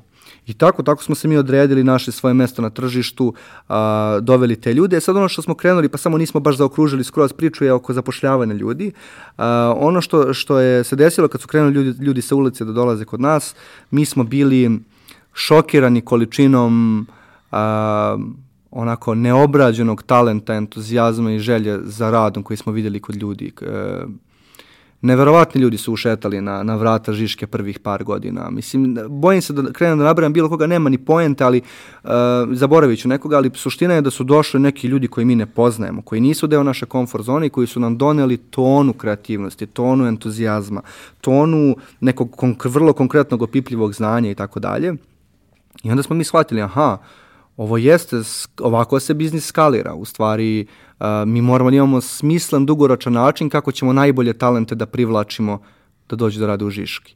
I onda u stvari šta se desilo? Dok smo definisali naš biznis model, shvatili smo da je maltene, zbog prirode industrije, maltene podjednako važna tema za nas kako ćemo da obslužimo ove ambiciozne klijente povodom sadržaja, koliko je kako ćemo da privučemo top talente uh, a, talente u Žišku da rade. I, I dan danas se to nije promenilo i u suštini ako bi pogledala šta je neka vizija Žiške i kako, kako mi definišemo svoju svrhu postojanja, ona ima dva neka stuba i jedan se upravo bavi prvom temom, a drugi se bavi drugom temom. Kada kažeš došli su neki, neki ljudi koje ne poznajete sa, sa, sa nečega što je tržište rada, ali ajde da kažemo nije to baš ono defaultno tržište rada, to su ipak neki ljudi koji poseduju a, određeni set interesovanja koji je blizak, pa su čuli, pa su shvatili da možda na neki način mogu da kliknu u celoj priči. A, koliko tu ima ljudi koji imaju neko prethodno relevantno iskustvo, a koliko su to neki ljudi koji su prosto, da kažem, vrednostno slični, ali bez nekog ogromnog iskustva? Vrlo malo iskustva imaju ti ljudi koji dođu, prvenstveno zato što fair je pomenuti, naši, naš prosječni zaposleni je dosta mlad.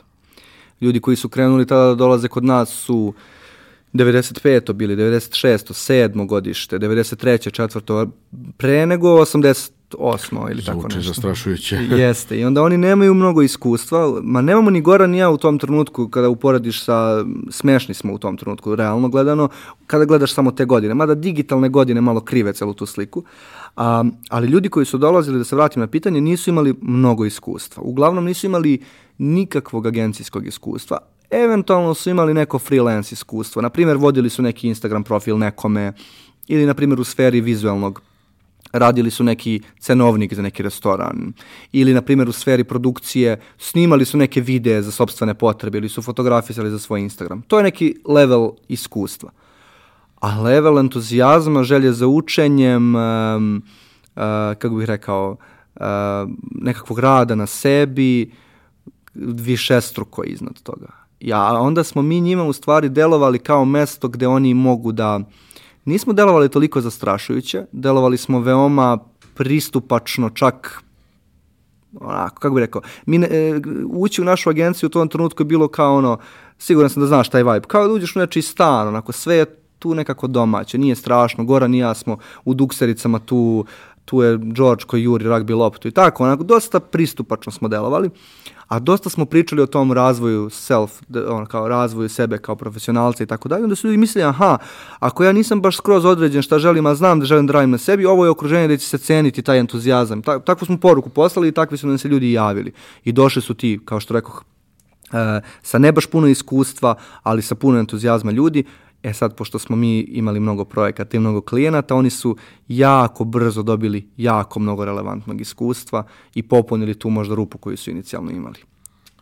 Kako je u toj priči koja sad traje već tri godine, mm -hmm.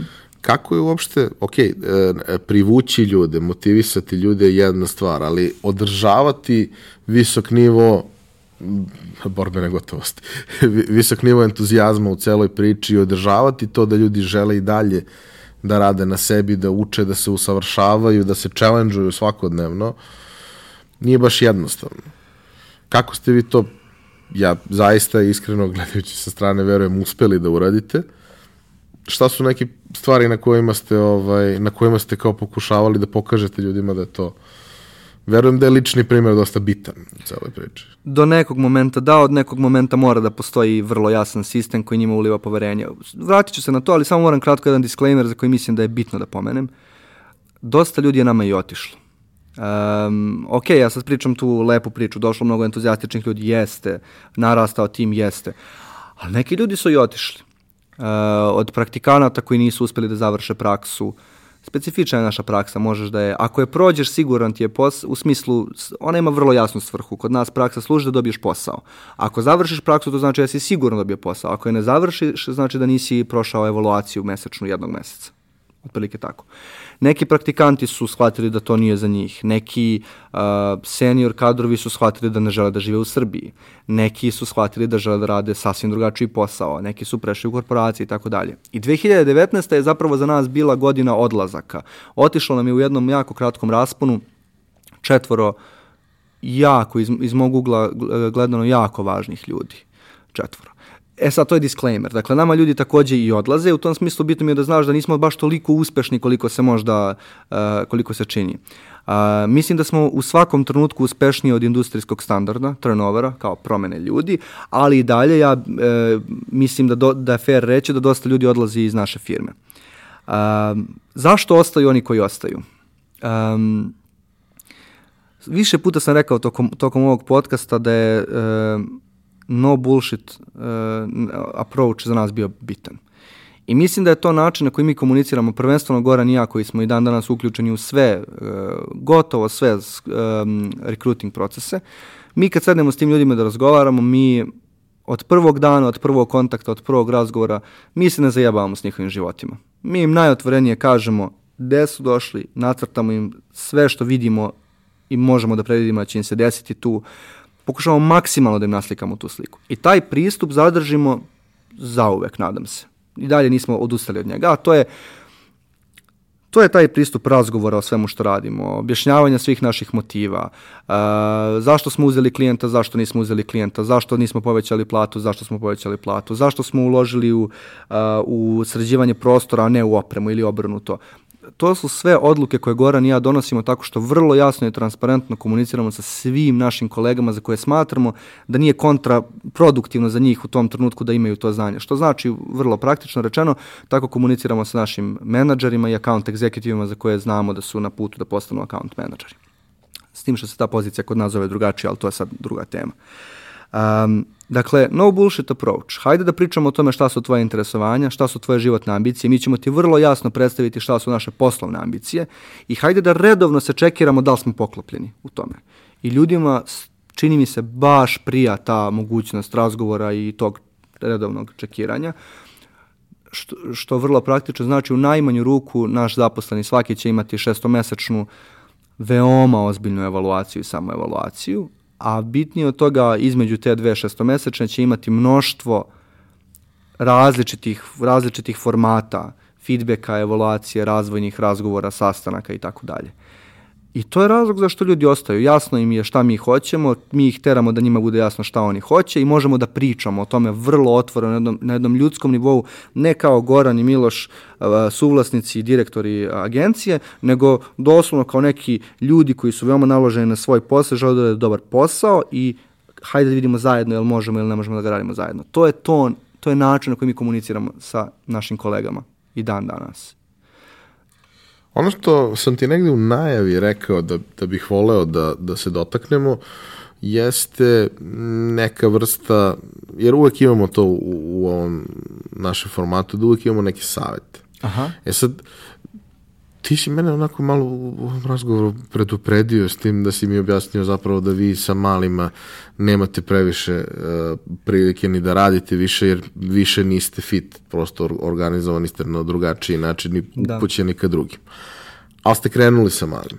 I, I radili da. ste sa malim. I mnoge stvari koje radite sa velikima, uz malo kreativnosti mogu da pro, zapravo da se scale downuju na nešto što, što ima smisla i za nekog malog. Uh, Sigurno. voleo bih čisto neka tvoja razmišljenja Nedavno smo imali onaj panel na kome smo bili mm -hmm. zajedno, ja sam do duše upao kao ovaj, padobranac, ovaj, ali čini mi se da smo se super skontali i tamo. Uh, ljudi često, mnogi od ovih stvari kojima se mi bavimo, a velike agencije naročito mistifikuju preko svake granice, da to moraš da budeš Francis Ford Coppola da bi mogao da snimiš ono, YouTube testimonijal od 5 minuta, što prosto nije tako. I da zapravo sve više, kroz sve više kanala i mnogo važnije ono što je sadržaj od onoga kako je to snimljeno i od onoga kako je to isproducirano i od onoga kako je to izdizajnirano. Dokle god to prelazi neku granicu da je to, što ja volim da kažem, pismeno, problem vrlo verovatno ne postoji ako je taj sadržaj sjajan. Slažem se. Mislim, uh, ja mislim da je to jako bitna poenta. I razlog zašto se to ponekad demistifikuje je poslovne prirode. Mislim, ako želiš da zadržiš nekakvu poziciju, pomalo ti odgovara da drugi misle da je to čime se ti baviš jako komplikovano i da niko ne može drugi time da se bavi. I samim tim jako skup. Da, uvek je. I to ide uz to. Um, iako mi više ne radimo sa, sa manjim klijentima, e, iskustva koje imamo nisu nerelevantna. Ra radili smo za ovih tri godine sa nekoliko malih biznisa, uspešno, čini mi se ovaj, uspešno za njih pre svega, a za nas je bilo, bio, bilo iskustvo učenja u velikoj meri. Um, ja volim da mislim da mi najveće moguće klijente radimo pomalo sa tim nekim mindsetom malih firmi. Između ostalo, to jest kao da su oni male firme. Pomalo volimo da im pristupimo opet tako demistif, demistifikatorski, kao da su male firme. Uh, između ostalo, Goran i ja ponekad držimo neka predavanja na nekim konferencijama, govorimo i, i jedno dugo vreme kad smo govorili o Instagramu, a često su nas zvali da govorimo o Instagramu jer to jeste bila hot tema par godina i dalje, ali pričamo recimo 2017. Um, mi bismo govorili ovako nešto. Uh, ako želite da vidite kako se radi Instagram, kakav god da ste biznis, najveća korporacija najmanja, ako želite da vidite kako se radi Instagram, pogledajte ovih 20 malih biznisa koje funkcionišu, koji imaju Instagram profile na tržištu Srbije. Šta ti to govori? To ti govori da smo mi uh, tada uh, vrlo svesno ljudima govorili da je best case social media strategije nije skriven, nismo potrčali da kažemo e, to je kako mi radimo Coca-Cola, mada smo verovali da je i to dobar pristup, nego smo rekli pogledajte kako radi lokalna berbernica, pogledajte kako radi uh, oh, sad mi je stao mozak, sladoleđenica lokalna, razni drugi uh, lokalni brendovi kojima ceo biznis zavisi od njihovog social media prisustva i to se osjeća u njihovom sadržaju. E sad, ako su 2017. 16. 17. 18. lokalni biznisi nama bili best case, kada je čak malo to se bilo nedostupnije, sada su tek best case. Ja baš verujem u to da mali biznis može da uradi mnogo za sebe na social mediji, sa vrlo malo, gotovo bez ikakvih resursa, jer dosta tih resursa koje ću sad pomenuti svako od nas posjeduje. Mobilni telefon za početak, um, softveri za montažu video sadržaja i sređenja fotografije od kojih su mnogi besplatni, a pošto živimo u Srbiji potpuno je realna priča da i oni koji nisu besplatni su vrlo dostupni. Dostupni, da. Tako je. Um, bez ikakvog opterećivanja, bez ikakvog tog stava kao ja ne umem ovaj posao, ja ne znam da editujem, ja ne znam da snimam, ja ne znam da pišem. Ja, moj savjet je ono, kako smo započeli biznis, takav mi je savjet. Samo uđite u to. Naivno je bilo kako postavite svoje online prisustvo, pogrešite sve. Vama je dozvoljeno, vi ste uh, preduzetnici, tek ste krenuli, pogrešite sve, krenut ćete dobijati neki feedback, samo krenite nešto da drljate, objavljujte neke tekste, objavljujte neke slike, objavljujte neke videe, realno, instinktivno ćete nabusti od osam stvari koje ćete pogrešiti, na, na osam stvari dve će biti nešto što ćete vidjeti, aha, evo ga feedback, aha, neko je odgovorio na ovaj video, neko je odgovorio na ovu fotografiju, pa čak smo neku poručbinu dobili na osnovu ovoga.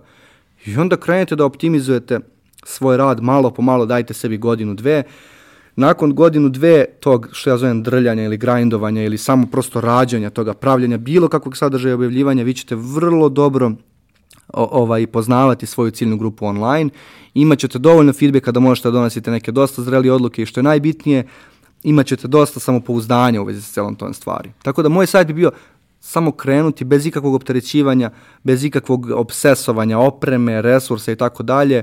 Zapitajte se, to sam rekao i na, i na druženju pojačalo druženje. Zapitajte se koja je priča koju niko drugi ne može da ispriča, nego samo vi i samo vaš biznis. I krenite da pričate tu priču. To je na kraju krajeva jedina šansa koju imate. Samo krenite da pričate tu priču, pa ćemo da vidimo. Za godinu dana ćete i, i, nećete više morati tako naivno da pristupate tome, znaćete vi već šta prolazi i na šta ljudi reaguju i šta vam donosi poručbine, a šta negde pozicionira vaš brend u očima ove ili one ciljne grupe. Što više vremena prolazi, što više povratnih informacija imaš, ako vodiš računa o njima, to više toga zapravo znaš. A, što više učiš, to neke stvari radiš bolje. Prosto, ja sam isto na, na druženju pomenuo kao, ok, je, je, jesu vam fotografije sa telefona užasne? Ok, posvetite tome dva sata, izgooglajte i bit će tri puta bolje. I dalje će biti slabije nego da imate profesionalnog fotografa, ali bit će dovoljno dobre. Pa ćete jednog dana imati i profesionalnog fotografa, ali ćete onda i tom fotografu možda znati šta tražite. Tako znati šta želite da dobijete od njega, imati neka znanja. A sve, skoro sve što je potrebno u tom procesu je vrlo dostupno i koliko god ga pogledali, pročitali, e, bilo online, bilo kroz koje kakve knjige i sve, dok ga ne probate, vi ga nikad nećete naučiti. Mi ceo biznis zasnovali na tome. Na tom tvom savetu manje više smo mi ceo naš biznis zasnovali, jer koliko god da smo Goran i ja znali o advertisingu, dok smo mi se ovaj, opasuljili da osnovimo svoju agenciju, krenuli da radimo i taj advertising se mnogo promenio. U tom smislu smo i Goran i ja likovi koji su googlali kako se rade stvari i kao nemali aparat, uh, fotoaparat prvih dana u agenciji, pa ga u nekom momentu kupili, a do tada ga rentirali, pa googlali koji bi bilo dobro rentirati, pa googlali kako se sređuje fotografija. Mislim, hoću da kažem, da, apsolutno, tako je nastala i naša agencija koja sad zvuči smešno, jer toliko ljudi, nabrojao sam već neke i klijente, ali pre tri godine ja googlam kako se radi animacija o Afteru jer hoću postignem nešto za klijenta. To je taj stav. Moguće je, mislim, nije ništa previše komplikovano. Sve se da naučiti ako ti je do toga dovoljno stalo. A ako ti tako. nije stalo za sebe, onda nemamo temu za razgovor. Pa baš tako, ne, nećemo gubiti vreme tu, ali ako ti je stalo, ono, ne, ne želim čak i da nabrajam resurse od uh, kursere preko Udemija, preko YouTube-a gde imaš sve, preko blogova, vlogova. Toliko ljudi danas vole da dele znanja. Mislim, doslovno, koliko god da je tvoj problem mali, uh, a moj, na primjer, je bio pre, pre dana kako se uklanja eho iz loše snimljenog zvuka. Koliko god da je tvoj problem mali, neko se ozbiljno pozabavio tim problemom na internetu. Jer tvoj problem vrlo verovatno nije jedinstven. Tako je. Ima taj jedan ovaj, moment u razgovoru sa, sa Lazom Džamićem gde on, on tako sve na vreme pronađe te neke reči i, i, i, i napravi nekakav kontekst koji ja nikad ih ne bi složio tako, ali to baš kaže ono što treba. On kaže, potopite se u znanje. Da, ja sam slušao i pitao, pitao sam se, kad sam slušao podcast, bio sam u fazonu, o, kako li je nastao ovaj izraz, onda sam bio u fazonu immerse yourself. Nisam bio siguran kako je on došao od toga, ali potopite se je toliko dobar izraz. Bukvalno, okružite se svim tim, to je bukvalno to, ne možeš ti to bolje reći nego što je Lazar Džamić rekao. Kao i mnogo drugih stvari. Da, tako je. A, Miloše, e, šta je naredni korak? Sada je već to prilično velika i ozbiljna priča.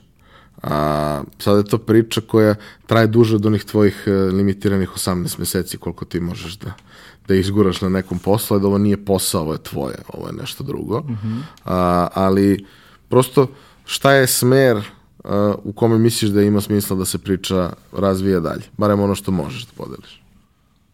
Pa mogu dosta toga. Mislim, vratno se skontaju do sada da ni, nemam pretarano puno filtera o, u stvarima o kojima govorim. Možda sam, kada budem slušao možda će se lupati po glavi ako sam pomenuo nešto pogrešno ili nekoga. Um, postoje nekakve vrlo jasno mapirane ambicije za Žišku. Uh, verovao ili ne, jedna od njih nije dalji rast.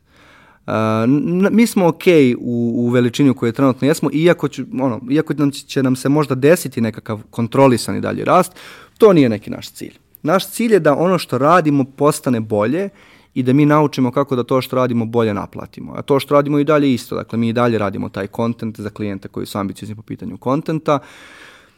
I tu bih se sad zadržao da ne ulazim u neke nijanse šta to zapravo sve znači. Um, ne želimo da rastemo, želimo da budemo pametniji u smislu toga šta radimo, da radimo bolje projekte, projekte na koje smo još ponosniji. Um, kako se zove, i želimo još jednu vrlo specifičnu stvar koju verujem da nismo prvi došli na tu ideju. Ne vidimo ni jedno opravdanje zašto bi Žiška radila samo za domaće tržište. Doslovno, kada sedimo i razmišljamo o skillovima koje imamo, kapacitetima koje imamo, ne vidimo zašto bismo se mi ograničavali kad već ne postoje realne granice u tome, u tom smislu. I u stvari se polako krećemo u, tom pravcu. Ne još uvek onoliko ko, konkretno koliko bih ja želeo da smo seli i napravili čitav plan aktivnosti kako ćemo sebe da dovedemo u to neko žiška global, globalno izdanje, ali kreću neki projekti koji nisu za naše tržište. Kreće naš regionalni rad se intenzivira, radimo sve više za neke o, za okolne zemlje. Od početka smo ruku na srce radili, preko tih velikih firmi smo počinjali da radimo ovaj regionalno tržište, ali čini se da ima sve više toga. Onako, dosta su, dosta su se srušili ti zidovi, otvorila su se ta vrata i nama deluje da mi s našim veštinama i skillama možemo samo da budemo dobri u tome. Tako nam se čini, vidjet ćemo, vreme će pokazati.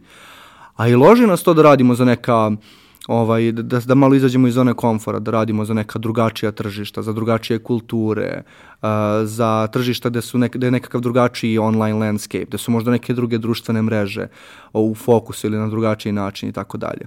Tako da, cilj je zapravo da za otprilike broj ljudi koji imamo sada obezbedimo kvalitetniji posao, da ga naravno bolje naplatimo da bismo zadržali te ljude, jer svi ljudi kada ostaju negde napreduju i očekuju da i sistem napreduje i da zarađuju više i tako dalje, ne moram to objašnjavati, mislim. Tako da ono, hajde da budemo stabilni, hajde da radimo pametan posao, da ga dobro naplatimo i da nastavimo i mi da učimo. Eto, to je, to je neki plan za Žišku. Nisam siguran koliko je konkretno, izuzev dela za, za inostrana tržišta, ali mogu da budem čak i možda još konkretniji. Dakle, hoćemo da kampanje koje mi radimo budu full on kreativne kampanje koje su izrasle iz dubokog razumevanja digitalnog landscape-a. I tu mi negde sebe takođe vidimo i tako u stvari mi poboljšamo kvalitet našeg rada. Dakle, u idealnom slučaju 2020. nas klijenti neće angažovati da im radimo video serijal od 30 videa kada su već postavili celu komunikacijonu platformu, nego će nas pitati da mi zajedno s njima postavimo tu komunikacijonu platformu. I to se takođe već dešava. Mislim, Zbog toga i sa toliko, da kažem, samopouzdanja pričam o tome. Ovaj, to se već dešava i to, toga treba više da nam se dešava kako bi naš rad bio kvalitetniji, a i na kraju krajeva kako bi te kampanje bile kvalitetnije. Eto. Jedna stvar koju bih te pitao na samom kraju, uh, zato što mislim da si ti prava adresa za to, odnosno vaša agencija, a to je, uh, vi dosta eksperimentišete što interno, što eksperiment, evo sad snimate podcast, ja ne znam, ja znam zašto ja snimam podcast, ali zašto bi neko drugi snimao podcast, to mi baš nije 100% jasno, ali ja sam poslušao taj podcast, jednu, drugu, treću epizodu i to jeste nešto što je veoma zanimljivo i ja mislim da to može da doprinese jako puno onom drugom stubu koji, koji kažeš, a to je uh, da na još jedan način pokažete ljudima šta je to što radite, kako to radite, ko su ti neki ljudi i koliko je to zapravo sjajno. A, ali mi je jako interesantno upravo to što u mnogo nekih situacija, na mnogo nekih projekata radite stvari drugačije, eksperimentišete sa nekim platformama koje možda nisu na prvu loptu prva asocijacija kako bi trebalo nešto se radi. Mislim, meni ja i dalje imam traumu od toga kad mi stigne mail, možemo da napravimo fotokonkurs ovaj, na Facebooku. Ovaj, dok vi stvarno, ok, core je nešto što je relativno, da kažemo, kompaktno, ali postoji jako puno tu eksperimenata od kojih neki se pretvore u nešto što je vrlo konkretno. Taj deo učenja i istraživanja je, mislim, jako vredan u celoj priči, a volao bih da, da mi daš neki ono tvoj ugao gledanja na to i neki insight koji si na taj način naučio tako što u četiri ujutru u nekim mračnim ćoškovima YouTube-a gledaš ne, neku čudnu stvar i razmišljaš zašto bi ovo videlo 2 miliona ljudi koliko piše da je videlo. To je cela fora. Mi smo bolesno radoznali u vezi s tim zašto su neke stvari popularne, a neke nisu. Mi po ceo dan sedimo u toj agenciji, naravno ne po ceo dan, radimo neke konkretne stvari, ali da, ali mnogo često sedimo i razmišljamo zašto je ovo popularno, zašto ljudi osjećaju potrebu da gledaju ovo.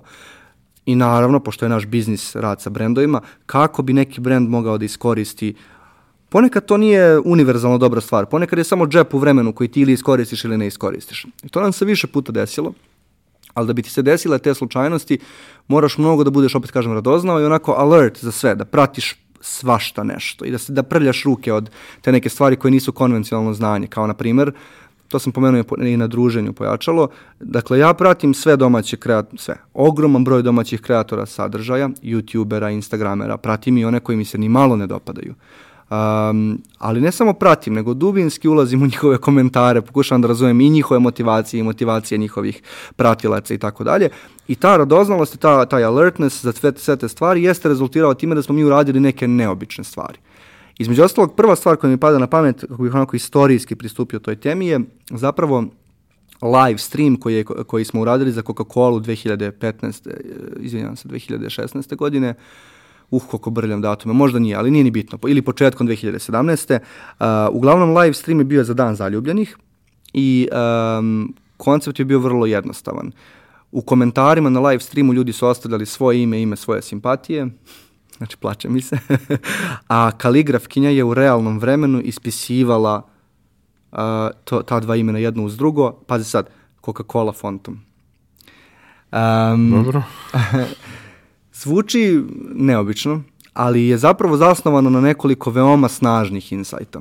Prvi insajt je da su u tom trenutku ljudi počeli sve više i više konzumiraju live stream content, čak i kod nas. I da je on bio favorizovan od strane platforme. Sad sam to krenuo da kažem. Drugi insight je da je Facebook u tom trenutku jako voleo svakoga ko snima ko snima live stream. Ovaj, I bili su u fazonu, samo snimajte bilo kakav live stream, opustite da kaplje nešto, ono, kao neka flaša da kaplje tečnost u čašu i to će da gleda, ono, boostovat ćemo organski rič toga beskonačno. Uh, mi smo naravno i to nagazili. E, nagazili smo i činjenicu da lju, ono, kao osnovna istina u ljudskom ponašanju, volimo, brate, svoje ime da vidimo ispisano negdje. Mislim, stvarno, svi to volimo i to je i Coca-Cola pokazala i s jednom globalnom kampanjom koje su svi vrlo svesni, a to je ime na ambalaži, tako da je zvučalo baš onako on brand. I kažem, iskoristili smo džep. Live stream je bio veoma favorizovan, par dobrih insajta, šta bi ljudi volili da vide i koliko to treba bude jednostavno versus komplikovano. I snimili smo taj, um, taj live uh, za dan zaljubljenih, onako veoma cute uh, je to izgledalo, uh, logistika iza toga je paklena, ali ne bih sad ulazio u to. Uh, u smislu, kaligraf jako sporo radi, a mi smo želeli da ogroman broj ljudi dobije svoje potpise, tako da dok je kaligrafkinja radila u live streamu jako sporo neke potpise, tim od 12 kaligrafa iza nje u backstage-u je radio sve ostale. tu će se zaustaviti u kompleksnosti tog Dobro. projekta. Ali eto, tu smo iskoristili live stream. Interesantna priča, sledeće godine smo za nešto drugo krenuli da koristimo live stream i za malo da nam sve propadne olenjili smo se bili malo i mislili smo, jednom smo već ovo radili. Bio je jako uspešan taj video, imao je odlične rezultate, stvarno, kvantitativno kad gledaš, organski rič, da ne ulazim dalje, fantastične rezultate. Um, sledeće godine opet neki occasion, da ne ulazim sad šta je, i kao opet ćemo live stream. I za malo da ga failujemo žešće, jer kao ono, nismo dobili pismo od Facebooka da to više ne radi baš toliko dobro ali ludom kombinacija sreće i agilnosti na, na mestu gde smo to radili i tako dalje, odlučimo u zadnjem momentu da pustimo live stream i na Facebooku i na, i na YouTubeu i zapravo iskidamo ovaj put na YouTubeu. Slučajno, iako nije bilo planirano.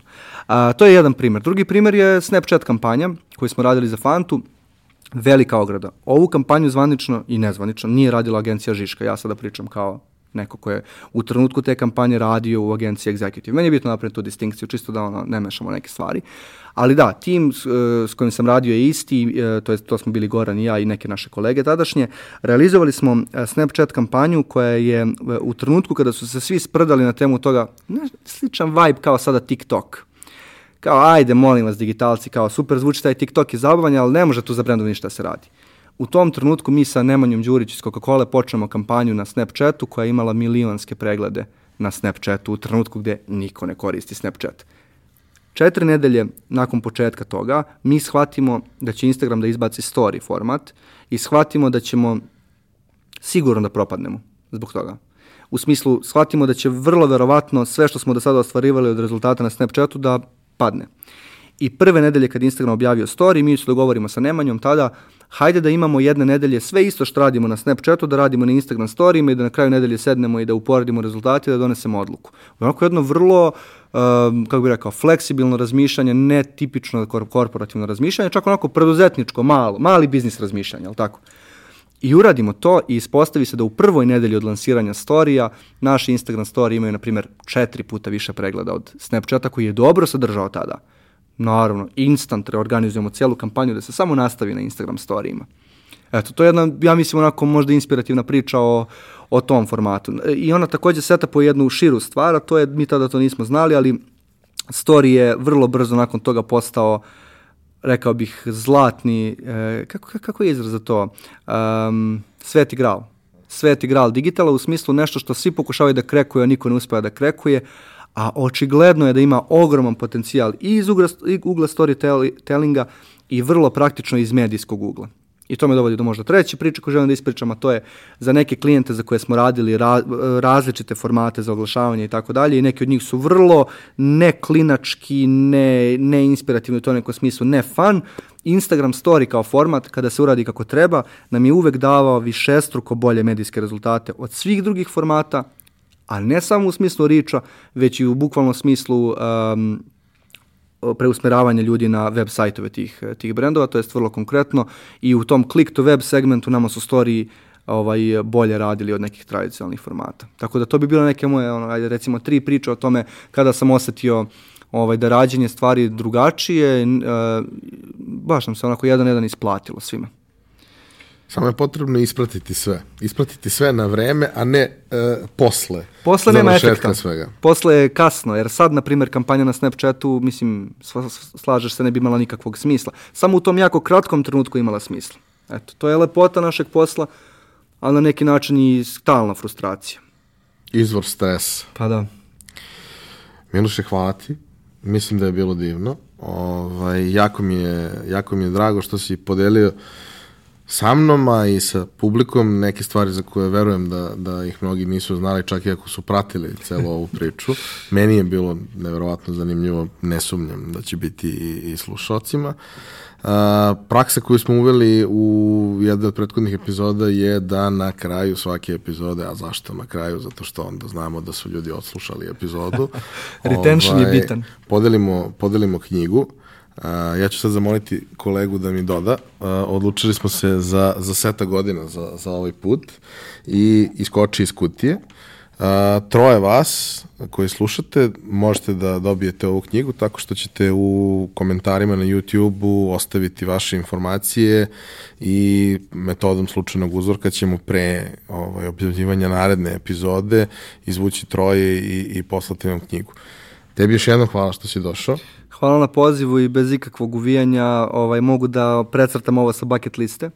Kada se pojačalo pojavilo, baš sam ono jako želao da budem gost, tako da nisam ti to rekao jer je kao željadinski da ti kažem, molim te pozovimo u svoj podcast, ali baš sam to želao i sada sam srećan što se to desilo. Thanks. Vidi, kada je sve počelo, ja sam napisao spisak od 80 ljudi mm -hmm. i na tom spisku ste bili i vi obojica do duše, ali sam ja umeđu vremenu shvatio da mi više odgovara jedan na jedan nego dva na jedan, jer nekako mi je teško mi je da u, ovom, u ovoj varijanti razgovora koji je na neki način ispovesni i izbalansiran dve snažne da. individue. Da. Dobra odluka jer Goran i ja smo too much, tu, iskreno, u jednoj prostoriji posvađali bismo se on i ja tri puta dok, dok bismo ovo snimali. Tako da. Dobro, sreća pa imate firmu zajedno.